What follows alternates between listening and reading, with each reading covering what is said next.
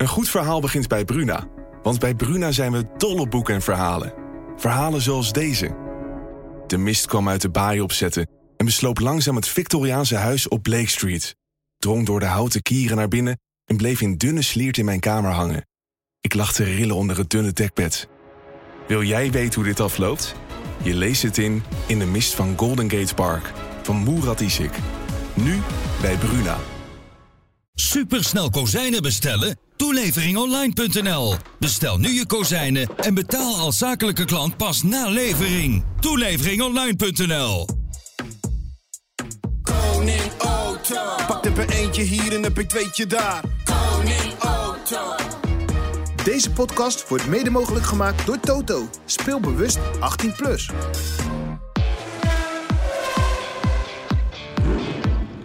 Dit is de Formule 1-podcast van De Telegraaf. Erik van Haren en Christian Albers praten hierbij over het belangrijkste Formule 1-nieuws.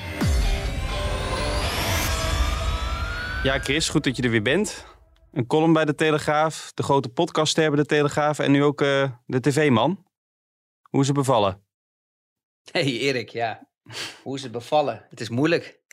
Wat zit je nou te lachen, joh, Klaus? Nou, ik, dit, dit, we hebben dit instartje nu drie of vier keer opnieuw gedaan. Omdat jij het ook weer wat anders ja, moest maar doen. jij zit je- de hele tijd te...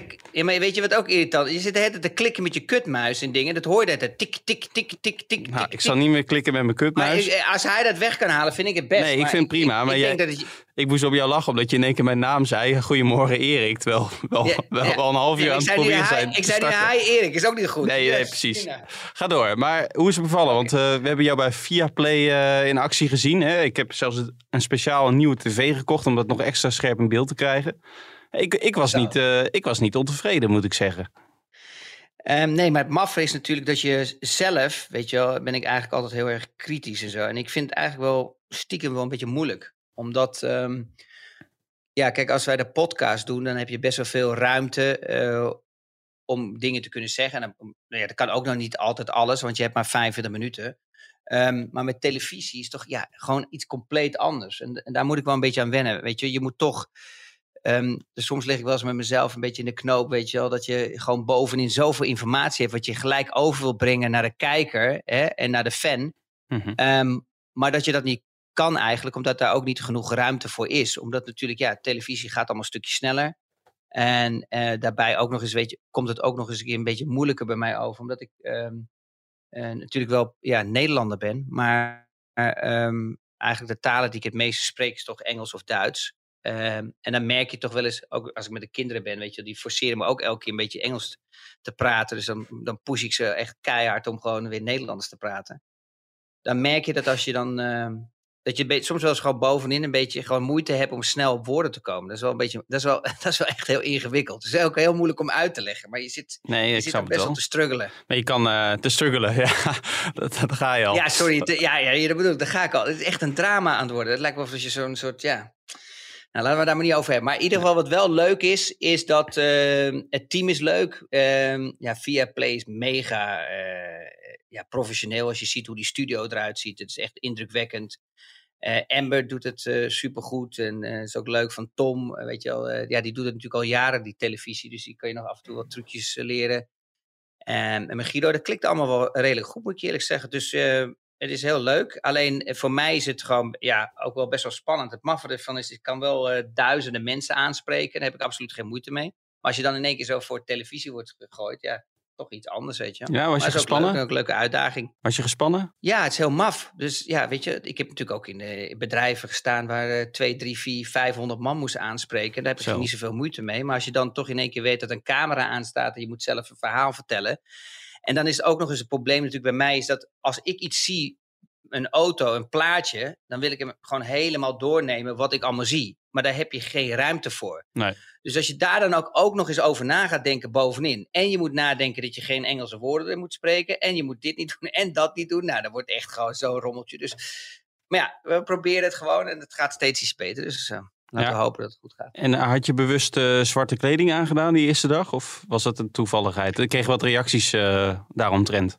Dat schijnt Ja, af te vallen namelijk. Ja, is het zo? Nou, Ja. dat helpt bij mij niet genoeg. Godverdomme, man.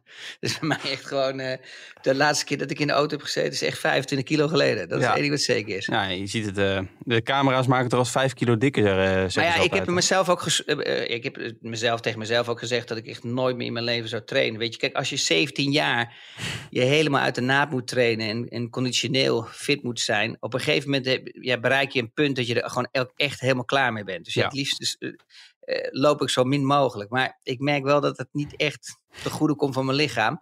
Maar daarnaast heb ik natuurlijk ook al een, een rugoperatie gehad. Dus eh, daar word je ook niet vrolijk van. En eh, eh, daardoor kan ik ook niet echt meer echt trainen keihard. Want ja, daar krijg ik er best wel veel last van. Nee, en je, en je neemt het Maar ik risico heb nu ook wel niet. gewoon een hele fijne balans gewoon. Het is gewoon heel veel eten en weinig bewegen.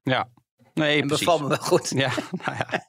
Misschien kunnen ze nog iets met photoshoppen. Je weet niet, de techniek staat voor niks hè, Ik heb tegenwoordig. gezien dat je die onderkin zou kunnen maken. Weet je? Ja. Dus, dus ga er nu in met van die, ook met die lange dingetjes zo. Dan hoef je ook helemaal niet meer open te snijden. Dat is misschien ook wel een eh, Ja. optie. Ja, daar heb jij geen last van, jongen. Nee, nog niet. Alles wat bij jou erin gaat, het is lijkt wel of jij een soort bacteriën daar be- beneden hebt. Dat is niet normaal. Je- Jij komt er gewoon nooit aan. Het is Nee. verschrikkelijk. Ik merkte de jaloezie proef ik in jouw stem, maar nou, ja, ik heb geen jaloezie, maar nu een klein beetje misschien. Ja, de camera staat aan gelukkig. Dus. Ehm, goed, genoeg over jouw eh, avontuur. Ben je de komend weekend trouwens weer? Eh, Bij de eerste Ja. race daar? Oké, ja, dan kan ik niet kijken, ik ben een Bahrein. weekend. Maar... Ja, samen met, eh, Amber natuurlijk en Tom Coronel. Dus ja, spannend. En ik heb er wel zin in. En ja, ik al zei, het ziet er gaaf uit. Ik, ik, ik ben blij dat jij ook vindt dat het, eh, dat het er professioneel uitziet. En dat, je, en dat het oké is, want jij bent best wel kritisch altijd. Dus ik, ben zou geen tv-man, hè, dus ik heb er niet zoveel Gelukkig heb ik geen social media, dus ze kunnen niet Nee. klagen over mij. Dus het is wel lekker rustig. Maar ze zullen wel bij jou klagen. Ja, nou, ik kreeg ook best wel veel, ik zag ook best wel veel positieve dingen, dus daar moest ik ook even aan wennen. Ja, weet je, het is, het, iedereen moet er natuurlijk aan wennen. Kijk, als je natuurlijk eh, zo lang altijd bekende stemmen hoort, dan, dan raak je daaraan gewend. Maar dat wil niet zeggen ehm, dat het automatisch ook de beste kwaliteit is. En ik vind bijvoorbeeld Nelson en Melroy, vind ik echt dat ze het heel leuk doen. Ik heb het nu gehoord en ehm, ik ben er best wel snel aan gewend geraakt. Dus op dat opzicht, ik denk dat de, de nieuwe kijker of de nieuwe fan daar ook aan kan wennen. Maar je moet ook mensen af en toe wel eens gewoon een kans geven. Ik bedoel, ze hebben ook allemaal Max Verstappen een kans gegeven toen hij nieuw kwam in de Formule 1. En zo heb je dat natuurlijk ook met eh, televisiezenders of met, eh, met andere eh, organisaties te maken die iets weer nieuws willen neerzetten. Ja, die hebben allemaal een andere visie. En ehm, ik vind dat je die ook best een kans moet kunnen geven. Ehm, en als ik het zo bekijk hoe ze het aanpakken en de budgetten eh, die bereid zijn om het ook echt eh, te produceren en ook echt de, dus zeg maar de kijker meer te informeren, denk ik dat ze het leuk doen. Nou, als Viaplay nog wil adverteren voor deze podcast, dan eh, hou ik me van harte aanbevolen. Want dit is natuurlijk niet ongelooflijk wat hier gebeurt. Goed, genoeg eh, over de tv. Eh, Chris, eh, je hebt het allemaal goed bekeken daar in die studio. Eh, was er een team wat jou het meest heeft verrast tijdens de testdagen? Ehm, nou, er waren een heleboel teams eigenlijk die me verrast, eh, die me verrast hebben, eh, eerlijk gezegd. Omdat ik eh, vind dat ehm, Ferrari het redelijk goed voor elkaar had. Maar dat was ook omdat het de eerste team was die de auto klaar had. Ehm, het is nog allemaal veel te vroeg om te roepen waar iedereen staat qua, qua qualifying pace, eh, qua snelheid. Dat is heel moeilijk, want iedereen laat nog niet de achterste van de tong zien. Hè. Je weet niet hoeveel gewicht benzine ze aan boord hebben. Hè. Dus de liters die, die berekenen we in Formule 1 met kilo's. Motorstand weet je niet. Maar ja, motorstand zie je niet. eh, Weet je natuurlijk niet. De engine mode natuurlijk, hoeveel ze geven. Ehm, die kunnen ze wel uitberekenen natuurlijk theoretisch. Dus als de mensen denken, ja, maar waarom gaan ze niet tot het uiterste? Ja, dat kunnen ze allemaal berekenen. Maar daarentegen is, vind ik het eigenlijk wel steeds gevaarlijker worden wat die Formule 1 teams aan het doen zijn. Want ehm, ze proberen zo lang mogelijk de concurrent op het verkeerde been te zetten. Door niet te laten zien wat hun echte pace is. Maar dat zorgt er ook voor dat je eigenlijk niet een echte simulatie kan doen. En dat je dat best wel stretcht naar echt de laatste eh, uren van een Formule 1 eh, weekend. En je ziet bijvoorbeeld ook, eh, zoals we nu, als ik een kleine tip mag geven, is dat je ziet dat McLaren bijvoorbeeld eh, eh, het heel goed voor elkaar had en heel veel rondjes reed in Barcelona. Hoeveel problemen ze hadden eigenlijk in Bahrein met een paar graden verschil in temperatuur. Ja, met de remmen hadden ze problemen met name. Ja, ja. En ehm, dan zie je maar hoe fijn eh, Formule 1 reageert op bepaalde ja, eh, grades of eh, circuits of dat soort dingen. Dan zou je toch eigenlijk denken dat ze ervan leren om sneller op, op die testdagen, want er zit nog maar één week tussen. Dan kunnen Formule 1 teams sowieso niet zoveel doen. Ja, ze kunnen wel dingen doen, want ze werken wel keihard, maar niet, niet drastisch een auto veranderen. dat je dan niet gelijk op het limiet al wilt gaan, weet je. Want dan heb je veel meer fine-tuning naar de eerste vrijdag toe voor, voor een weekend van de Grand Prix. Ehm, maar ja, blijkbaar zijn ze allemaal, hebben ze zoveel zelfvertrouwen en willen ze zoveel niet laten zien, dat ze dat eh, dus ja, kunnen veroorloven. Ja, maar is het, is het, is het eh, makkelijk... eh, ja, het is natuurlijk altijd heel lastig om conclusies te trekken. Hè? Het zijn testdagen. Je, je trekt bij een, bij een voetbalteam natuurlijk ook nog geen conclusies als ze een paar potjes winnen in de voorbereiding. Eh, maar denk je dat Red Bull en Ferrari wel de teams to beat zijn het eerste weekend? Nou, wat het lekkere van Ferrari is, is dat ze gewoon weinig problemen hadden. En, Het meeste eh, gereden. En hebben, nog steeds, ja. Het, me- het meeste gereden hebben. Maar ook nog eens daarbij is dat je dan echt je programma's kan afwerken. En ze hadden ook eigenlijk wel de snelheid. Kijk, die snelheid die kan natuurlijk verdoezeld worden. Want het kan best zijn dat Ferrari bijvoorbeeld, ik noem maar wat, eh 40 kilo brandstof meeneemt. En dat bijvoorbeeld een Red Bull of een Mercedes misschien wel 70 kilo brandstof aan boord heeft. Zo, dat, dat is natuurlijk het verschil. Elke 10 kilo is zeg maar 3 tiende, 3,5 tiende. Ehm, soms wel eens 4 tiende, ligt er een beetje aan welk circuit het is. Hè? Of, je, of je het circuit hebt met de hoogteverschil. Als je hem hoog moet trekken natuurlijk, dan moet je altijd gewicht meenemen. Ehm, maar ze hebben wel die kilometers in de zak. En ze hebben wel laten zien dat ze de betrouwbaarheid hebben. En, en de snelheid ook een, stuk. En dan is de vraag natuurlijk, en dat gaan we pas echt zien. En dat is het leuke van Formule 1. Dat zullen we pas eh, meemaken natuurlijk met de qualifying aankomende zaterdag. Maar het is toch ook wel... Ik, ik moet zeggen dat Red Bull op mij ook... Die hebben iets minder gereden dan Ferrari misschien over die zes dagen. Als je Barcelona erbij trekt. Maar ik, ja, dat, dat zag er voor mij ook wel redelijk stabiel uit. Nou ja, je ziet gewoon wel bij Red Bull, en dat vind, dat vind ik wel leuk om te zien, echt het verschil. Je ziet dat Ferrari hè, dus echt die twee coureurs op gelijkheid zet. En kijkt, die gaan dan kijken door het seizoen heen wie een beetje de nummer één eh, prioriteit krijgt. En je ziet bij Red Bull gewoon duidelijk dat Perez echt nummer twee is. Nou, dat weten we natuurlijk met z'n allen al. Dat wisten we al eh, een jaar geleden, of toen hij al getekend had. Ja. Maar je ziet bijvoorbeeld eh, eh, hoe je dat nog beter kan zien, is natuurlijk de eerste te- testdag natuurlijk op een donderdag. Hè? En daar willen ze zo snel mogelijk. Ze wisten dat de temperatuur wat hoger lag. Ja, ehm, dus toen hebben ze gedacht: oké, weet je, we gaan longruns doen. We laten gewoon de eerste dag Perez rondjes rijden en longruns maken. En dan gaan we de tweede dag gaan we met, eh, met eh, Max en de derde dag met Max rijden. Waar we ook dan eh, weer upgrades meenemen vanuit, vanuit Engeland. En die leken goed te werken. Ja, die bleken. Ja, weet je, dat is altijd heel moeilijk te zeggen. Maar ik denk het wel, want ze hebben het erop laten zitten. Maar dat is altijd koffiedik kijken. Want wij zien de data niet wat die mensen allemaal zien. Dus wij kunnen niet. En wij hebben dat gevoel ook niet. De enige die dat weet is Max en het, Formule, en, en het team zelf.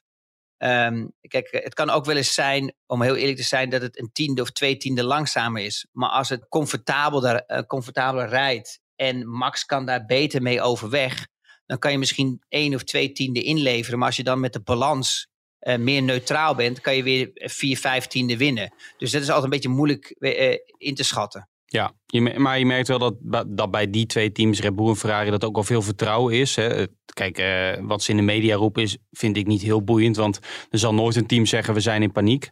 En in dit, in dit stadium wil ook niemand de favoriete rol pakken. Hè. Ze zeggen allemaal van, nou, eh, laten we eens zien wat Mercedes doet. Maar als je een beetje rondvraagt, dan merk je toch wel dat er vertrouwen is. Dat ze, dat ze er in ieder geval goed voor staan. Eh, bij Mercedes is dat anders. Hè. Je, hebt Hamiltons woorden denk ik ook ge- gehoord of gelezen. Al is het wel grappig dat Hamilton dat ongeveer voor elk seizoen zegt. Dat, eh, dat Mercedes niet eh, competitief is. Moeten we dat nou serieus nemen of niet?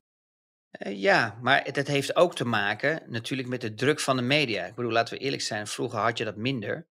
Ehm, nu heb je dat meer. Ehm, eh, die teams zijn natuurlijk ook bang, hè? want je weet natuurlijk al wat voor koppen er komen. Ik bedoel, ja, we zitten, je zit zelf bij de Telegraaf, dus je weet wat voor koppen je moet maken om het interessant te maken, om kliks te genereren. Zeker. Dus ja, iedereen is natuurlijk bang. Iedereen is natuurlijk bang. voor- eh, Iedereen is natuurlijk bang gewoon natuurlijk van wat er volgend weekend gaat gebeuren. En als je zegt natuurlijk, ja, wij hebben heel veel zelfvertrouwen. En je zegt dat als Ferrari zijnde. Dan is dat natuurlijk eh, volgend weekend in de krant Ferrari desastreus Ja. een drama. Ja, ja maar je kan, ook, dus- je kan ook het andere uiterste pakken. De, de Hamilton elk jaar te zeggen dat je, de, dat je er heel slecht voor staat. En hij heeft het ook al eens gezegd. En daarna wonnen ze de eerste negen races van het seizoen. Om maar een voorbeeld te noemen. Alleen, ik moet wel zeggen, als je ze zo enorm zag stuiteren op die rechte stukken. Dat lijkt me niet ideaal.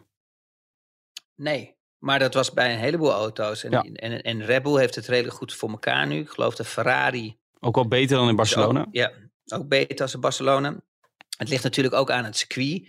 Hoe hobbelig het circuit is. Want als je eenmaal dat moment hebt dat je een hobbel pakt. En En die, en die neerwaartse druk, op een gegeven moment kom je op een moment dat hij niet meer verder gaat. En dan slaat hij als ware omhoog.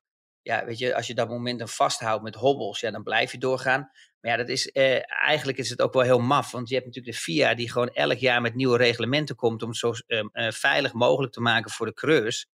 Ehm, maar ja, dit is natuurlijk niet echt gezond voor een coureur. Want ik bedoel, ja, ik ben al een keer geopereerd eh, aan mijn rug. Ehm, maar die mannen die, die, die, die worden steeds jonger in de Formule 1. Die gaan steeds langer door. Eh, ja, weet je, eh, Jos heeft uh, mij ook verteld dat hij ook last had van zijn nek natuurlijk. In de, in de tijd toen hij reed en nu nog steeds. Um, als je ziet wat een klappen dat lichaam krijgt in die ruggengraat. Ja, dat is natuurlijk niet gezond en, voor je nek. Dus daar ben ik ook wel weer verbaasd over dat de VIA dat weer niet oppakt. Want daar hebben ze gewoon echt absoluut niet over nagedacht. Dat zei Ross Braun ook. Die waren allemaal verrast. Um, dat, uh, dat het zo heen en weer ging. En het grappige daarvan is dat je hebt dan Formule 1 en je hebt zoveel technici en zoveel designers en zoveel engineers, weet je wel. Dat het eigenlijk dan, als je er zo naar kijkt, zijn het allemaal rookies geweest. Want ja, je merkt dat natuurlijk niet in een windtunnel. Een windtunnel is een, een schaalmodel, die wordt neergezet, die is hartstikke stijf. Die zitten dan vast aan de wielen als het ware, zitten, uh, wordt op een lopende band gezet. Ja, en daar heb je natuurlijk die bewegingen niet. Nee. Dus, en, dat, en dan heb je natuurlijk ook maar 60% hè. Uh, uh, schaalmodellen heb je, vroeger hadden we zelfs 40%, dus het ligt een beetje aan welk team je zit. Want uh, sommigen hebben meer budget en anderen minder budget. Dus de, des te groter je gaat, des te duurder het is. En je hebt maar een bepaalde snelheid. Ze gaan maar geloof ik tot 150 of sommige 180 km per uur, sommige iets harder. Weet je, dat, dat is ook allemaal vernieuwd in die jaren. Ja, dan hebben ze dat dus niet, kunnen ze dat dus niet simuleren. Ja, en dan komt de grote verrassing natuurlijk op het circuit. En dat is ook wel het leuke ervan, is dat je, dat je natuurlijk altijd nog steeds de praktijk nodig hebt, ondanks dat je iets theorie, iets verzonnen hebt. Ja. En denk je dat nog te maken? Die, we hebben natuurlijk ook die nieuwe regels dat het beste team, hè, vorig jaar was dat Mercedes, het minste aantal uren mag maken in de windtunnel. Dat dat ook nog met die nieuwe auto's, uh, of is dat niet zo significant uh, dat we daar niet te veel achter moeten zoeken?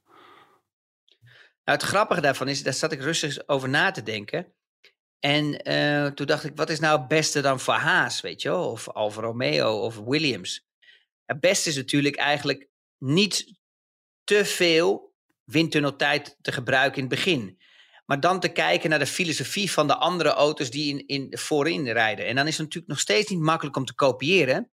Maar je komt wel op ideeën. En met die ideeën natuurlijk kan je voortbewegen en, en kijken waar je, waar je iets kan vinden bij je eigen concept en je eigen filosofie. Ja. Dus ja, ik denk dat het wel um, verschil kan gaan maken bij de teams die achteraan rijden met het extra tijd. Als ze nu de eerste paar races hebben gehad, om dan uh, misschien wel wat uh, uh, mogelijkheden te creëren, waardoor ze dus beter kunnen worden. Ja, maar zoals Mercedes met dat gestuite, als we even naar Mercedes kijken, daar vond ik het wel heel erg extreem. Het, het, is, zeggen ze, niet heel moeilijk op te lossen. Door de rijhoogte te veranderen. Alleen ja, dan verlies je weer heel veel downforce. Dus je moet natuurlijk een soort balans daarin vinden om tot de juiste oplossing te komen. Want zo kun je natuurlijk niet heel lang door blijven rijden. Ook misschien gezien de gezondheid van de coureurs alleen al. Nou ja, bij Mercedes is het ook nog wat anders. Ik bedoel, kijk, als je gaat kijken naar de auto, ja, uh, voor mijn opinie zijn ze echt extreem en geniaal geweest. Laten we eerlijk zijn. Ze hebben natuurlijk een bedrijf van buitenaf genomen. Reaction engines, die hebben ze laten uh, kijken wat de mogelijkheden zijn qua koeling voor radiators. Dat is een bedrijf dat eigenlijk no normaliter alleen werkt voor de ruimtevaart, voor raketten, ga zo maar door, aerospace, alles uh, bij elkaar. En die hebben ze eigenlijk gewoon de opdracht gegeven om zulke klein mogelijke radiators te maken. En als je dan bijvoorbeeld ziet bij de Mercedes, dan zie je dus eigenlijk gewoon een, um, uh, een radiator sidepod die in plaats van horizontaal verticaal is gemaakt. Hè. Dus in principe heb je eigenlijk dezelfde flow. Hè, maar ze hebben het zo kunnen uh, uh, produceren dat ze eigenlijk een radiator hebben gemaakt die echt zo heel dun is. Hè, en dus, dus anders is dan alle andere Formule 1 auto's. Waardoor ze dus eigenlijk hè, de, de, de hele body zeg maar smaller wordt. Waardoor je dus nog meer downforce kan creëren op die vloer. En het hele concept natuurlijk van dit jaar vergelijkbaar met 2021. Is dat in 2022 als je dan gaat kijken, dan zijn die voorvleugels en die achtervleugels helemaal niet interessant. Die zijn gewoon, die zijn gewoon ja, dat is, dat, alles is gefocust op die middenvloer. Waar vroeger natuurlijk alles werd gehaald natuurlijk op de voorvleugel en de achtervleugel. Ja. En um, je ziet nu dat Mercedes in die testdagen, ik dacht dat ze heel veel aan sandbacking zijn. Hè, dus dus gewoon echt dus gewoon in de boel een beetje aan het besodemieteren zijn. En, en ik dacht van nou, Eh, ze, ze hebben wel de snelheid. Eén ding is zeker, ze, ze, ehm, ze gaan super rap door de langzame bochten. Hè? Dat had jij ook al doorgegeven van de GPS. Kan je dat zien? Kunnen de andere teams het zien? Maar in, in medium en high speed hebben ze veel problemen. Ja. En je kan zoiets geniaals maken wat dan ook weer desastreus kan zijn. Dus dat je dus be- be- ja, een bepaalde winstflow krijgt. Hè? Dus de, de, de, de lucht die over die ondervloer komt.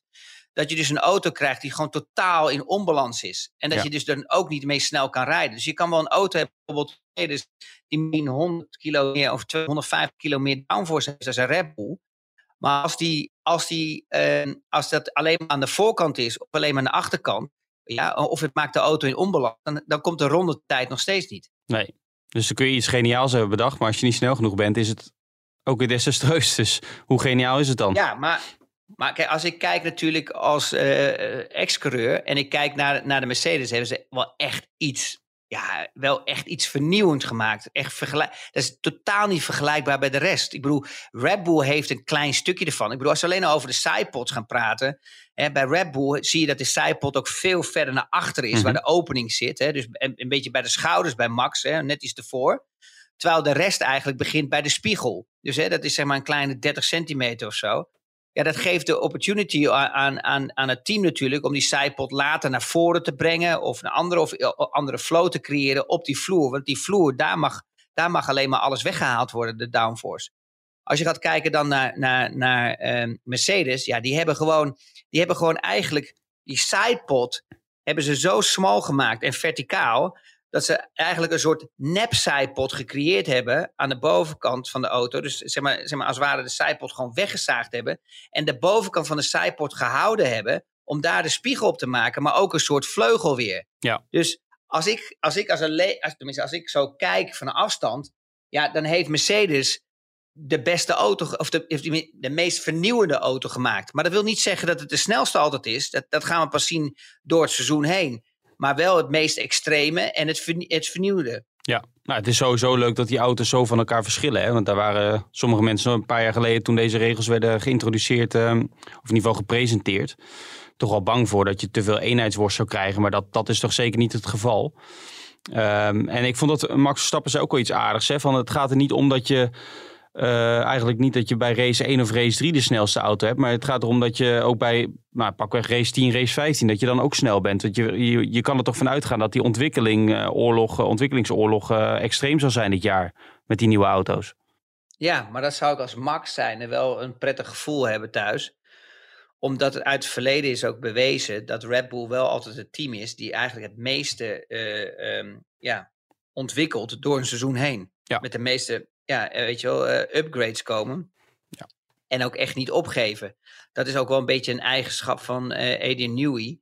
ehm, die, die altijd maar door blijft gaan. En dat, je, je merkte, dat hadden we eigenlijk vorig jaar zeiden we dat, van dat de basis ehm, eh, vorig jaar van de Red Bull al eigenlijk gelijk goed was. En dat ze dan aan die doorontwikkeling in principe een wereldkampioenschap naar binnen konden halen. Ja, en dat is ook gebeurd. Met dit verschil wel dat je er sinds vorig jaar ook niet zomaar even nog eh 50, 100 miljoen tegenaan kan knallen. Hè, als, eh, als rijk team zijnde. Dat moet je natuurlijk ook wel nog opletten. Ja, maar ja, dat, dat, dat blijft voor mij nog steeds een moeilijke regel. Want ik bedoel, ja, als je gaat kijken, er zijn natuurlijk zoveel mogelijkheden dat je dat laat, eh, weet je, dat je, ja, dat je dingen koopt of laat ontwikkelen onder, een- onder een- andere company. Eh, dat blijft altijd heel moeilijk, om heel eerlijk te zijn. Nou, vind ja, ik persoonlijk, hè, die regel. Ik bedoel, kijk, als vandaag Mercedes zegt van, joh, luister eens, wij geven, eh, wij geven Reaction Engines een opdracht om eh, voor een, eh, ik noem maar wat, een C-klasse iets te, te, te produceren. Ja, en, en, en het Formule 1-team kan daar gewoon vanaf de, vanaf de zijkant meekijken. Hetzelfde geldt voor Red Bull natuurlijk. Dus dat, en, en, en, en die andere teams ook. Ik vind dat een, echt een hele moeilijke regel, die budget caps. ik weet ook niet echt, misschien wel een keer leuk om in te duiken voor een verhaal. Want ik weet niet echt ho- hoe het wordt gemonitord. Hoe het wordt gecontroleerd. Eh, dus dat is misschien wel aardig om eens een keer in te duiken hoe dat, hoe dat zit. Ja. Eh, maar ja, dat, daar komen we later op terug. Ja, je zei al Max veel vertrouwen in het team. Maar ja, dat bleek ook wel. Want hij heeft een paar weken geleden zijn eh, contract met vijf jaar verlengd. Dus voorlopig zit hij, daar, zit hij daar wel goed. Als hij dit uitdient, is hij 31. Ja, maar ik denk dat het ook de beste optie is. Ten eerste is het een, een, een winnend team. Dat hebben we gezien. Max is wereldkampioen. Ehm, ten tweede, ehm, je ziet dat die strijd er was tussen Red Bull en Mercedes. En daar heeft Red Bull goed gebruik van gemaakt. Hè? Dat, eh, dat ja, de, de familie Verstappen natuurlijk ook echt niet gecharmeerd waren van de reacties van Toto Wolff. Mhm. En ook eh, eh, zijn, zijn, ehm, ehm, de- de manier waarop hij ermee omging natuurlijk, ook met de crash en al dat soort dingen. Dus ja, daar, daar waren ze niet echt positief over. Kijk, en dat heeft Red Bull ook op dat moment goed gebruikt. En Red Bull weet ook gewoon de enige manier dat als je een auto een halve seconde te langzaam maakt, is dat je met Max dan nog een mogelijkheid hebt om echt het gevecht aan te gaan. En zij zijn misschien nog wel verder vanuit als ze, als ze Max kwijtraken. Ja, en daarbij moet je eerlijk zeggen, vind ik het ook wel fijn, denk ik, als coureur zijnde, dat je dus ehm, zoveel zekerheid hebt gelijk. Hè? Je, je, bent, je bent, weet je, de, de- die druk gaat eraf. Dus in mijn tijd was het anders. Er was een jaar op jaar contract. Er was altijd stress, altijd gezeur, altijd druk. Volle druk stond erop. En ik weet niet of dat beter is voor je prestaties. Nee. Je ziet gewoon dat Max nu gewoon goed in zijn vel zit. En ik denk ook dat met die tweede coureur, Perez erbij, ja, ehm, hij kan niet, denk ik, op dezelfde level komen als Max. Ehm, mis- misschien kan er ook nog een wonder gebeuren. Hè? Misschien is Perez wel een coureur die met zo'n met zo'n met zo'n auto beter eh, uit de weg komt als vorig jaar. Omdat het nu, natuurlijk nu op een heel ander concept is met, met de vloer. Dus het kan best zijn dat hij er dichterbij komt.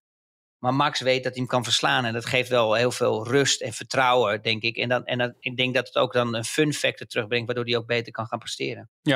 Denk je eigenlijk, eh, ja, je hebt niet in die schoenen gestaan, maar je hebt wel eh, in het verleden titels gepakt en, en races gewonnen. Ik, heb, ik heb Max pas in Barcelona ook gevraagd van, ehm, ja, als coureur heb je misschien niet druk nodig, alleen hij, je, je, bent, je hebt in ieder geval wel die titel ehm, eh, heb je binnen. Hè? Dus dat echte moeten van die eerste, winnen van die eerste titel is weg, hè? die druk. Hij zei ja, die druk, het echte bijna wanhopige winnen, dat gevoel is weg. Maar ik ben misschien nog wel gemotiveerd om die tweede titel te pakken. Maar het geeft je ook al een soort van rust. En dan ook nog die contractverlenging eroverheen. Het zit wel redelijk eh, goed in zijn hoofd, denk ik. Ja, maar dat is altijd in het leven. Je hebt een doel, en dat is wereldkampioen worden. En als je dat hebt, ja, en als je dat naar binnen gesleept hebt, ja, dan wil je naar het volgende. Je wilt steeds succesvoller worden. En het, en het, het, het is een soort eh, ja, gezonde drugs. Hè. Je wilt alleen maar beter worden, je wilt alleen maar meer hebben. Ja, en het, het leuke wel van Max is dus dat hij echt zichzelf blijft. En ik heb ook het gevoel dat hij het ook, eh, weet je wel, ook privé gewoon goed voor elkaar heeft. Hij heeft rust gevonden hier zo ook in Monaco. Ehm, hij heeft een leuke vriendin. Weet je, dat soort dingen, dat helpt er wel maar bij. Mensen zijn altijd wel best wel sceptisch daarover, weet je wel, van... eh, eh, maar dat zijn wel belangrijke dingen, weet je wel, dat, wat, wat wel die hele cirkel compleet maakt. Ehm, waardoor je gewoon echt die snelheid kan zien en, en terugkomt ook op de baan. En, en ja, ik denk persoonlijk dat die druk er vanaf is, omdat ze een eerste wereldtitel in zijn zak heeft. En ik denk juist eerlijk gezegd dat hij nog gevaarlijker gaat worden dit jaar als dat hij vorig jaar was. En niet gevaarlijker qua rijstijl, maar gevaarlijker qua voor de competitie. Omdat je die, die eerst, weet je, dat, dat moeten, dat, dat echt die mega druk die erop stond, dat moeten en dat willen van Formule 1 wereldkampioen te worden, dat is wel minder geworden, omdat je, omdat je het al bent. En dan heb je ook nog eens een keer zo'n contract op, je, op zak. Ja, weet je, ja, ik denk dat dat een ideale combinatie is voor, eh, voor een coureur. Ja, ik vind hem sowieso, eh, ja goed, eh, de laatste keer dat ik hem zag was bij het, eh, bij het VIA Gala in Parijs in december. En toen gingen, gingen, gingen we allebei op vakantie. En ik heb hem ehm, ehm, ja, in Barcelona voor het eerst weer gezien, maar bij de testdagen. Maar maakte echt een zeer goede, opgeruimde indruk. Maar gewoon, ehm, ja, eh, ja, dat is lastig uit te leggen. Maar soms zie, je, soms zie je wel als iemand veel aan zijn hoofd heeft. Ik wil niet gelijk de dokter Ja. veel eh, uithangen. Maar gewoon een hele goede rustige indruk. En het boeit hem ook totaal niet dat bijvoorbeeld eh, in Engeland zijn natuurlijk nog steeds heel veel verhalen van eh, ja, hij heeft de titel eh, in zijn in zijn schoot geworpen gekregen en hij heeft hem niet verdiend. Ja, dat, dat boeit hem dan verder niet. hè. Nee, Dat- maar dat is ook echt gewoon een lulverhaal. Hij heeft Ja. zoveel pech in. Weet je, het is. Dat, dat, zo zit het nou eenmaal in elkaar in het leven. Soms heb je pech en soms heb je wat geluk. En maar geluk moet je ook creëren. En hij heeft gewoon. Eh, kijk, eh, eh, bij de laatste race heb ik ook mijn meningen over. Maar ik heb ook altijd eerlijk gezegd. Luister, dames en heren, hij heeft ook zoveel pech gehad, weet je wel. Dan mag je ook wel eens af en toe een geluk hebben. En het geluk staat eigenlijk niet in verhouding met alle pech die Ja. hij heeft gehad. Nee, maar dat zei hij Maar zelf ook ook. wel leuk- Dat zei hij zelf ook. Kijk, als je alleen de laatste race hebt gekeken naar Abu Dhabi, zei hij, ja, dan kan ik me voorstellen dat je denkt van eh, Hamilton had hem verdiend. Maar als je een, een titel Ja. kijk je natuurlijk naar een heel jaar. naar- wat, wa- wat waren het? 21 races vorig jaar. Dus dan, en dan zie je, heb je natuurlijk ook eh, de klapband in Baku, om maar iets te noemen. Dat soort dingen Ja, gehad. ja Dus- Baku en Hongarije was het natuurlijk echt drama voor Maar dat, wat ook leuk is om, uh, om over te hebben, is dan ook dan, dan Pierre natuurlijk, Gasly. Ja, die, die is, daar kan je ook zien natuurlijk dat hij eh, eigenlijk helemaal vermorseld, mentaal, door, Ja. door Max. Maar ook echt gewoon compleet. En dan ook nog eens door Helmut Marko f- mega onder druk gezet. Weet je, gewoon niet meer weten waar je bent. Je, de auto overdriven en het komt er niet uit. En op een gegeven moment gaat hij dan weer terug naar zijn oude team. Waar dan Frans Toos, en dat doet hij toch wel knap, hè, toch dat warme bad weer geeft. Weet je wel, en hem toch eh, rustig weer maakt. En dan een coureur naast hem hebt die niet sneller is dan hem. Dat hij op een gegeven moment weer gewoon bloeit, weet je wel. Het is gewoon, eh, het is, eh, hij heeft vorig jaar ook gewoon echt een goed seizoen gehad. Hij heeft die auto continu daar in, in, in die top 10, geze- tot, top 10 gezet. Hij heeft supergoed gepresteerd. En je ziet ook dat hij, dat hij is gaan groeien ook. En dat hij zich lekker voelt. Ik weet nou niet of je Pierre dan weer terug kan zetten naast Max. Want ik denk dat hij gewoon dan weer een gigantische klap krijgt. Ja. Maar waar hij nu zit. En ik denk ook dat, dat Pierre ook niet de persoon is die je dan echt in zo'n topteam kan zetten. Want dan, dan maakt hij zichzelf gek. En hij zet zichzelf te veel druk op zichzelf. Maar waar hij nu zit, is die ideaal. Ik bedoel, Alphatauri, die kan echt in, in hun handen knijpen dat ze zo'n coureur hebben gevonden. Ja. Ehm, ehm, die bij hun nu op dit moment eh, zo goed presteert. Ja, ik ben in dat kader ook wel benieuwd naar Albon bijvoorbeeld, bij Williams. Die, die na een jaar afwezigheid dan terugkeert. Want daar hoorde je bij Red Bull ook al goede verhalen over, achter de schermen, ook vorig jaar. Alleen ja, die, die had toch ook wel te kampen met die druk. Die kreeg natuurlijk ook veel eerder dan gepland dat stoeltje. Hij had het toen over van, eh, van Gasly. En die had het ook gewoon heel zwaar eh, met Verstappen naast zich. Maar je hebt best wel kans dat hij nu met Latifi naast zich bij Williams... je weet niet hoe die auto zich, eh, ja, zich verhoudt tot de rest.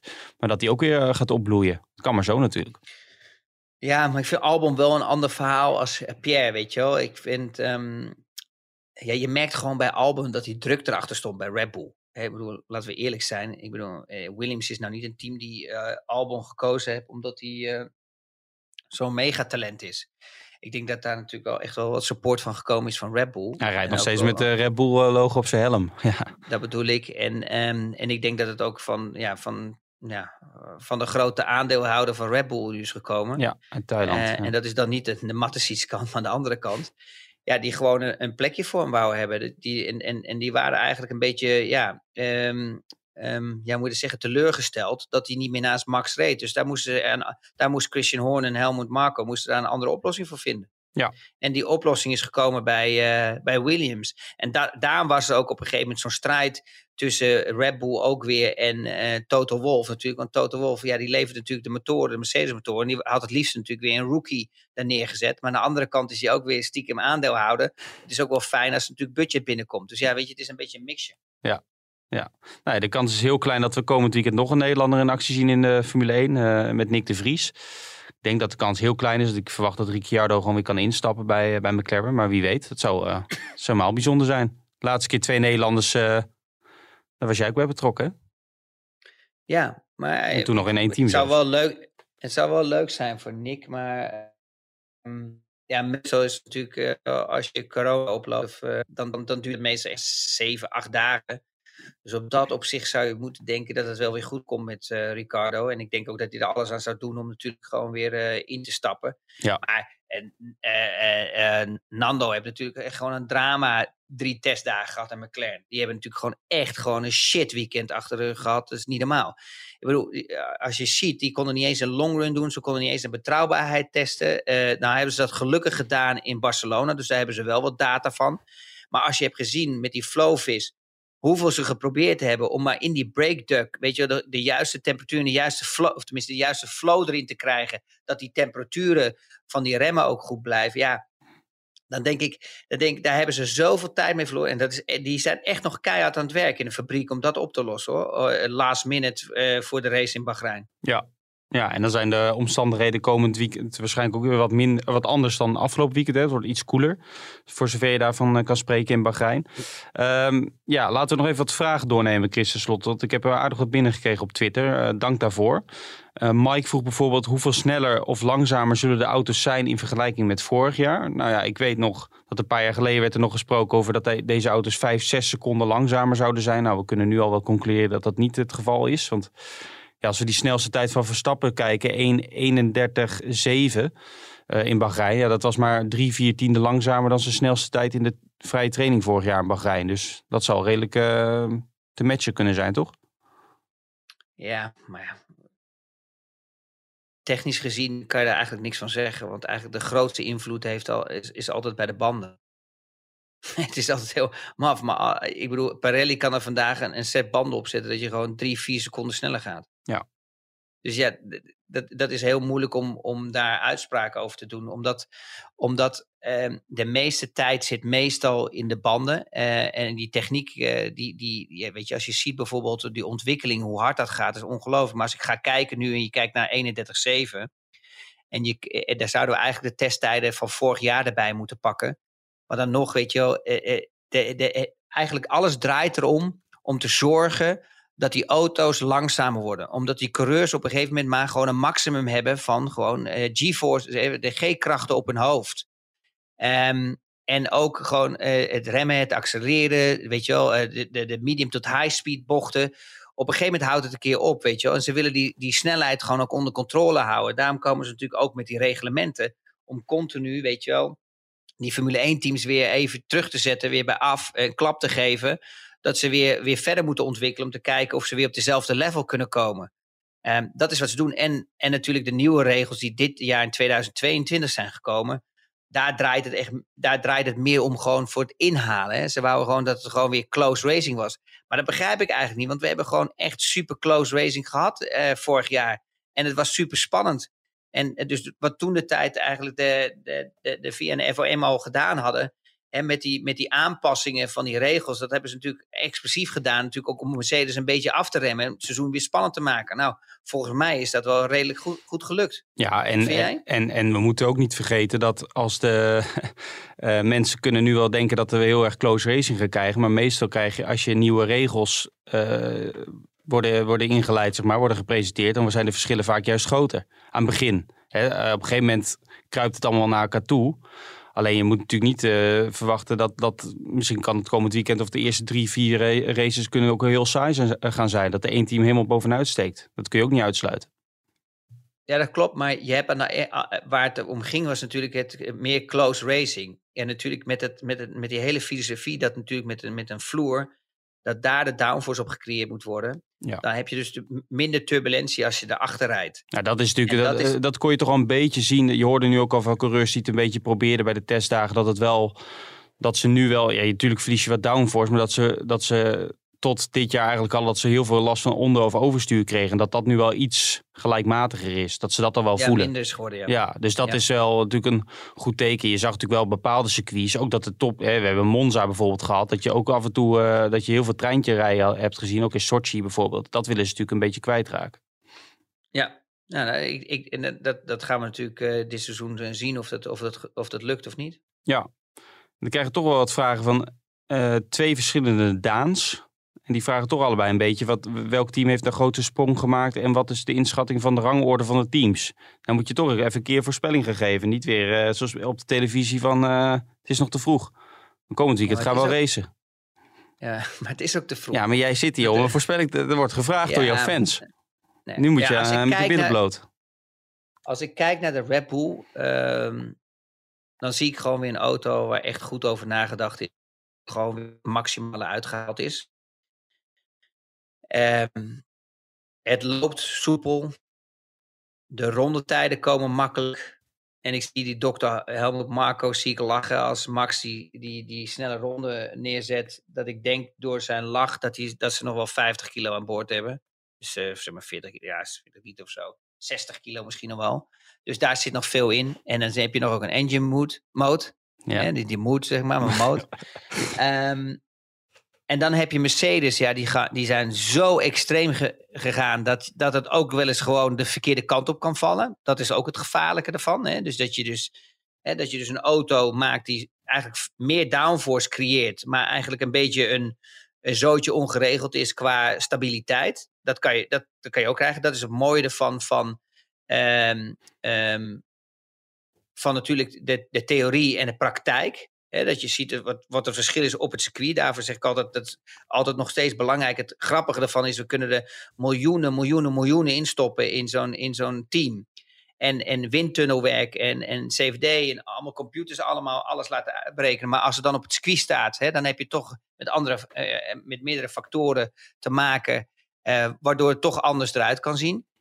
Ja, en dan, en dan kijk ik naar, naar Ferrari. Ja, dan zeg ik, oké, ja, die waren als eerste klaar met een auto. Die hebben gewoon hun programma's afgewerkt. Zitten er gewoon heel goed bij bovenin. Maar je weet gewoon niet, bij die Italianen, het blijft natuurlijk Ferrari. Ferrari moet nog steeds elke dag auto's verkopen. Die willen natuurlijk ook gewoon dat er over hun geschreven wordt. Dus ik weet niet hoeveel, eh, eh, eh, ja, hoeveel ze hebben laten zien. Dat is voor mij heel moeilijk in te schatten. Wat ik wel grappig vind, is dat een beetje die kleuren weer terugkomen hè, van 1995, weet je wel, toen Gerberg en Sean Lacy reden. Ja, met de zwarte die zwarte bij. vleugels. Ja.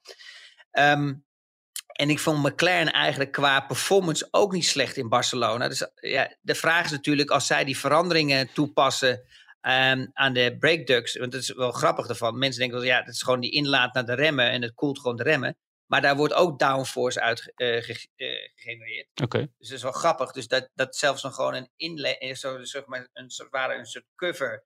Die zeg maar de lucht naar de remschijf moet doen. Dat je daar ook dus eh, downforce kan uit creëren. En ook flow kan beïnvloeden over de auto. Dus de luchtstroom over de auto kan beïnvloeden door, door gewoon een inlaat van de remmen.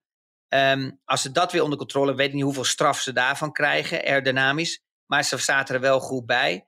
Dus ja, als ik mijn schatting moet maken, dan denk ik persoonlijk dat Red Bull wel heel goed voor elkaar heeft. eh, eh, ja, de laatste testdag, zaterdag. Dus ik denk dat wel eens een keer Red Bull, ehm, Ferrari en Mercedes eh, gaat zijn. Ja. En denk je dat, eh, is er nog een team, want je hebt nu eigenlijk de top 4 van vorig jaar genoemd. Is er nog een team, denk je, dat een flinke sprong heeft gemaakt? Eh kun je iets verwachten van Haas of Alfa of Alpine of eh, Aston Martin misschien wel, dat die toch een, een, sprongetje hebben gemaakt? Maar ik vond het lastig in te schatten nog hoor, maar misschien heb jij wel een kijk op. Nou ja, ik was verbaasd dat iedereen negatief was over Aston Martin. Maar ik, ik vond het eigenlijk super positief. Eh, Ze deden het juist hartstikke goed in de test. Ze waren zelf En, ook niet zo eh, ontevreden.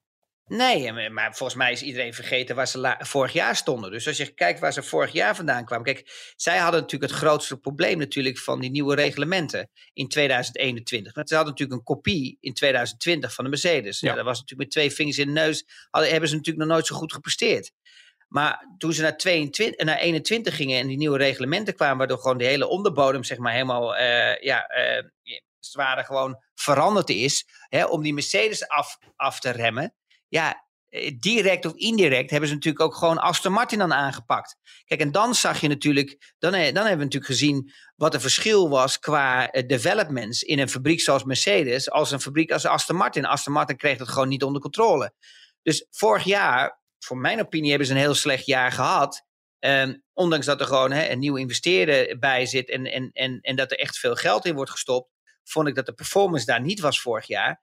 Dus als ik dan nu ga kijken naar, naar, naar de nieuwe auto met testen, vond ik wel dat ze goed gepresteerd hadden. Dus ja, ik, ik denk dat die het nog wel eens verrassend goed kunnen gaan doen. Ja, en, en Renault, of eh, Alpine dan, wat eigenlijk gewoon steeds een Renault is, maar oké, Alpine. Ehm, ja, die hebben even laten zien met, ja, met een C4'tje, eh, of een C3, ja, dat ze, eh, dat ze even daar vooraan stonden. Maar dat zegt zo weinig, dat, is- dat is het probleem. Ehm, en ik vond ook op zaterdag hebben ze ook niet echt laten zien dat ze erbij stonden. Het was meer echt long runs. Dus ja, voor mij is het heel moeilijk. Ik denk dat de beste, de beste die op dit moment ehm, van de achterliggende teams, denk ik wel dat Aston Martin daar eh, de grootste sprong heeft gemaakt. En Haas, ja, ik heb het gevoel dat ze toch wel een beetje, echt een beetje zo'n soort qua- qualifying run hebben gesimuleerd. Ja. wat denk jij? Zij hebben ook, volgens mij had zaterdag Magnussen de snelste tijd in dat, in dat extra uurtje dat zij kregen. Omdat ze de donderochtend hadden gemist. En, gis, en eh, zaterdag zette Schumacher in dat, in dat extra uurtje eh, de tweede tijd neer achter Verstappen. Alleen ja, dan zijn de omstandigheden natuurlijk totaal niet te vergelijken. Dan is het, eh, wordt het steeds Nee, cooler. Dan lopen de motoren. Ja, de motoren lopen zoveel sneller, Ja, Erik. en, maar dat is natuurlijk goed voor, en- voor Haas om, denk ik, eh, wat jij net zei eh, bij Ferrari. Dat is natuurlijk goed om even in de spotlight te komen. Want die hebben nog een jasje uitgedaan qua sponsoring. Eh, ja, misschien helpt het qua publiciteit. Misschien zit dat ook wel achter. Hè? En voor Gene Haas in Amerika dat hij ziet dat dat team een beetje vooraan meedoet. Want die hebben natuurlijk een financieel een enorm probleem. Nu, die, nu Eurocali met, met vader Mazepin nu, nu, nu dat contract is verscheurd. Ja, ik vond het alleen stom dat ze niet gewoon gezorgd hebben dat, eh dat Magnussen het zo snel mogelijk in die auto eh, hebben gezet. Ehm, natuurlijk, er was misschien nog geen stoeltje. Eh, je had nog Fittipaldi natuurlijk misschien een commitment gemaakt. Maar je wilt natuurlijk zo snel mogelijk een ervaren coureur erin hebben. Hè, om die rondjes te rijden. Weet je, ik, ik was dan begonnen met, met Mick Schumacher. En ik had dan gelijk daarna Magnussen erin gezet. Ja, om gewoon die achterstand in te lopen, weet je wel. En dat vond ik een beetje, dat vond ik nou, dat ik dacht van, nou, dat was niet echt een slimme zet. Maar ja, in dat extra uurtje, ja, weet je, aan de ene kant heeft Haas ook helemaal niks eraan. Want je hebt, je hebt baancondities die je normaliter niet hebt. Nee. Dus ja, weet je wel, wat schiet je ermee op, weet je, dat extra uurtje. En dat is nou typisch ook weer zo flauw hè, van zo'n FOM en al die andere Formule 1 teams. Door, door hun toedoen hè, missen ze een vlucht of heeft die vlucht vertraging. Ja, en dan krijg je dat, die bureaucratie natuurlijk. Want waar het eigenlijk gewoon echt om draait, is natuurlijk gewoon dat de VIA mensen gewoon lekker naar huis willen op zaterdag. Want dat is de, de echte reden natuurlijk. Nou, er waren ook... Daarom willen zij- ze natuurlijk niet een extra, extra dag geven. Zij wilden zondag, hadden ze de optie. Alleen eh, er zijn drie teams geweest die tegen waren. Ja, maar dat is toch ook ongelooflijk. Ik vind het echt zo Het is, ook wel, het is ook wel weer pijnlijk als je dan het slechtste team van de afgelopen jaar. Die, die, de- en dan, die dan nog even. Die ligt dan op de grond. Dus dan nog even een extra trapje geven van. eh, nee, jullie mogen niet zondagmiddag of zondagochtend. Dat was het. Eh, ja, dat is ook een beetje. Dat is eigenlijk wel weer typisch Formule 1. Dat maakt het ook wel weer. eh, Ik vind het echt ongelooflijk en sneu ook. Maar eh, ehm, dan vraag ik me ook af, weet je zijn er nog andere dingen gebeurd waardoor, weet je wel, wat die, wat die, die topteams of die teams die gezegd hebben nee, of zij meer informatie hebben als dat wij hebben natuurlijk. En, en, de- en, en de VIA. Dus ja, het is natuurlijk altijd een beetje moeilijk in te schatten. Maar eerlijk gezegd vond ik het echt wel, ja, wel een beetje flauw. Zeker. Ehm, ja, ik heb nog één persoonlijke vraag voor jou van Sven. Of jij zelf al eh, eens iets zelf hebt betaald in de racerij. Bijvoorbeeld bij Minardi. En dat ze onderdelen niet konden betalen. Dat je zelf als coureur eens moest eh, dokken. Nee, maar wel bij eh Caterham toen ik daar zat. Ja, ja, als teambaas. Ja. Heb je toen zelf eh, uit je eigen portemonnee wat Ik moeten... moest wel eh, zelf nog wat, afding- wat dingetjes ja, betalen. Ja, Ja? Waar hebben we het dan over? Ja. Nou ja, is het, is het relevant? Nou ja, bedragen Ik vind dat interessant, ja. Nou, het was ook op een moment waar ik ook een overname wou doen van het Formule 1 team. Maar ja, toen, ze, ze- hadden er zelf een nul. Ik had een bod gedaan en ze hebben er zelf een nul achter gezet. En het is niet gelukt. Nou, Jammer. Oké. En misschien een instappen bij Haas nu, is dat iets voor jou? Nee, mijn intenties eh, die liggen er niet meer. Ik heb, ik, ik heb altijd, altijd één verhaal gehad en daar blijf ik nog steeds bij. Als je echt een, als je, als je vandaag 1 miljoen euro hebt liggen en je, en je gooit het in de open haard, dan zit je gewoon lekker minimaal drie kwartier, heb je het lekker warm. En als je 1 miljoen euro in de werkplaats neerlegt van een Formule 1 team, dan komen ze met snijbranders, kniptangen, gaan ze maar door. Het is gewoon, gewoon binnen 10 seconden weg. Dus geloof mij nou maar, elke miljonair, biljonair, wat ook in deze wereld die iets wil doen met Formule 1, daar is niet tegenop te werken. Het, er zijn zulke budgetten die daar omgaan. En de enige die geluk heeft gehad is eh, Ross Brawn. En waarom die geluk had gehad is, is heel simpel. Is dat, dat ehm, ehm, eh, Honda hem ook nog eens een cheque meegaf van 100 miljoen. Ja, om de boel nog verder te runnen. Omdat ze al die mensen niet wouden ontslaan eh, voor slechte publiciteit voor de fabriek. En dat is zijn geluk ook geweest. En zijn geluk was geweest dat die auto gewoon geniaal was. En dat hij, dat hij, dat hij wereldkampioen is geworden met Jensen Button. Ehm, dus ja, als je, echt, als je echt een Formule 1 team wilt gaan runnen, ja, dat is gewoon bijna een doelbal. Kijk naar Sauber. Er zit de Rousing-familie nu ook achter. En die worden er zelfs ook een beetje moedeloos van hoeveel geld erin gestopt moet worden. Weet je, die, die zijn ook aan het zoeken naar andere oplossingen. Je moet gewoon een fabriek zijn die erachter staat. Een grote fabriek zoals Ferrari, of zoals Mercedes, of Renault. Ja, of Red Bull bijvoorbeeld, dat soort dingen. Als je dat niet hebt, als je die, die sources niet hebt, dan, dan is het, bij- is het bij- gewoon bijna niet te doen. Nee, duidelijk verhaal. Ik krijg nog een, nu op het laatste op Twitter nog een berichtje binnen van Sven Brandsma. Die zegt dat hij jou een verademing vond. Inhoudelijk sterk en minder grapjes op tv. Ja, voor grapjes moet je niet bij jou zijn natuurlijk. je bent gemeen mannetje ben je Ehm, nou, uh, dankjewel. Want eh, kijk, weet je, het is mijn instelling die ik begin van het seizoen heb gehad. Ook met het televisieprogramma, dat weet je ook. We hebben het er ook over gehad. Ja, weet je, er zal echt een hele hoop stront over ons heen komen. Want je verandert iets wat mensen al heel lang hebben gekeken. Maar als je nou ook echt als kijker, als fan ook heel eerlijk bent. Als je gekeken hebt naar het programma eh, vorig jaar en het jaar daarvoor. Ja, en ik denk Erik dat je daar ook een beetje met me eens bent. En dat is niks negatiefs of wat dan ook. Maar daar werd niet veel informatie uh, vermeld, weet je wel, en, gemeld.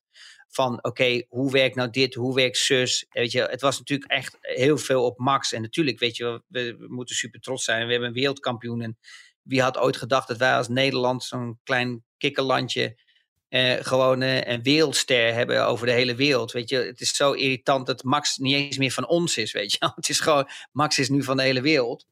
Ehm, maar ehm, het is, ik, ben, ik ben wel eh, van plan, weet je wel, wel gewoon te pushen dat, dat, er, dat er wel gewoon meer komt, weet je wel. Dat er gewoon meer informatie gebracht wordt naar een kijker. En natuurlijk is het soms gewoon heel moeilijk. Voor mij is het heel moeilijk, want ik heb een verhaal in mijn hoofd wat ik niet kwijt kan. Dus ik moet proberen natuurlijk dat eigenlijk te verkorten. Eh, eh, eh, Heel kort en krachtig moet ik dat doen. En Ja. ik verlies 80% van de informatie.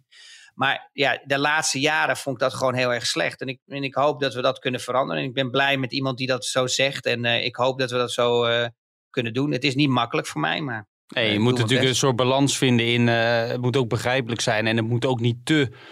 Het is goed dat je dingen uitlegt, maar de Formule 1 is zo'n technische sport. Het moet natuurlijk ook niet te eh, veel de diepte ingaan. Maar het moet wel begrijpelijk blijven. En ehm, eh, dat is misschien af en toe Ja, maar lastig. dat is wat ook altijd mijn probleem geweest. Daarvoor kwam ik ook nooit goed weg met journalisten. Omdat ik gewoon meer geïnteresseerd was in techniek. En dat zat in mijn hoofd. En ik was niet geïnteresseerd in publiciteit en, en, en, en in journalisten om een verhaal te vertellen. En als ze me dan niet begrepen, werd ik ook echt heel geïrriteerd en zo. Ja, dus, dus dan werd het allemaal niet beter op de, de, de relatie daarvan. Dus ja, dat is, dat is, eh, dat is wat ik zeg. Weet je, als ik een vraag krijg, ook so- soms, soms voor jou, dan zit er zoveel informatie in mijn hoofd. En dan wil ik dat alles vertellen, maar dat kan niet. En zelfs jij vindt het niet eens interessant. Dus moet je nagaan. Als jij Nee, maar dat geldt wel voor meer dingen die je heel vertelt. Nederland niet interessant. Dan heb ik, nog, eh, heb ik het nog niet over de telefoontjes die we af en toe, eh, of de belletjes die we Ja. af en toe afronden. Eh, maar goed. Eh, we, gaan, Ja. we gaan afronden, want er loopt hier tegenwoordig een klok mee. Die gaat, alweer, die gaat alweer bijna richting het uur. We zijn wel iets later begonnen trouwens, maar eh, met dat terzijde. Maar goed, wat publiciteit betreft, deze week heb je ook nog een column in de krant. Nou, komend weekend zit je bij Viaplay, zei je al. Volgende week maandag zijn wij er weer. Trouwens, top dat we door kunnen gaan met de podcast eh, samen. Dat vind ik in ieder geval erg fijn. Ik hoop jij ook. Dank aan Viaplay. Ja.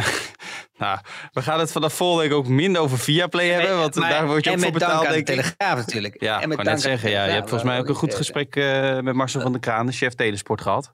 Laten we dat ook niet vergeten. Ja, de echte chef, hè? De echte chef. Chef ja, ik ben niet de echte chef. eh, gelukkig maar. Is voor iedereen beter. Nee, Ehm, hartstikke leuk, man. ja, hartstikke leuk. Ik ga lekker naar Bahrein eh, later in de week. En ehm, wij spreken elkaar volgende week op maandag. hè. ik, ben dan, ik blijf in, de, in het Midden-Oosten. En jij zal dan weer eh, op je vrij ingerichte kantoor in Monaco zitten. Ja, dan ben ik weer terug, ja. Zeker weten. Oké, hey, succes alvast komend weekend op tv. Fris en eh, fruitig. Doe iets lekker zwarts aan, zou ik zeggen. Geen kooltrui. En eh, bedankt voor het luisteren. En we spreken Ja, ik elkaar heb volgende week. gevraagd of ze, die, eh, of ze die tafel iets omhoog kunnen zetten, Erik. Weet je, want dan komt net die buik van mij eronder, weet je wel. Heb je dat gezien?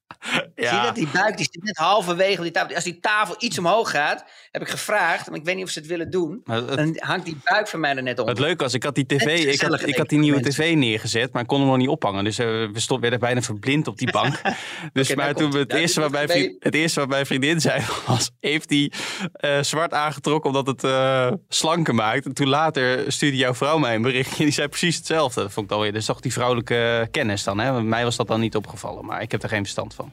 Maar goed, Ik dacht dat ik het wel heel goed kon vinden met jouw vriendin. We hebben elkaar nooit gesproken, maar ik hoorde altijd op de achtergrond. En ze is het altijd met me eens. En nu in één keer krijg ik in één keer zo'n setje, weet je wel. Ik heb echt het gevoel dat ik zo op de, op de, cliff sta, weet je wel. Iedereen zit te blazen, te blazen. En ik probeer me zo tegen te houden. Maar ik- er komt een moment natuurlijk dat ik val. Ja, dat laatste duwtje, anders geef ik hem wel een keer. Want dan zijn we er helemaal vanaf. Maar goed, eh, voorlopig is dat nog niet het geval. Ehm, bedankt voor het luisteren allemaal. En wij zijn er volgende week weer. Chris, eh, zet hem op.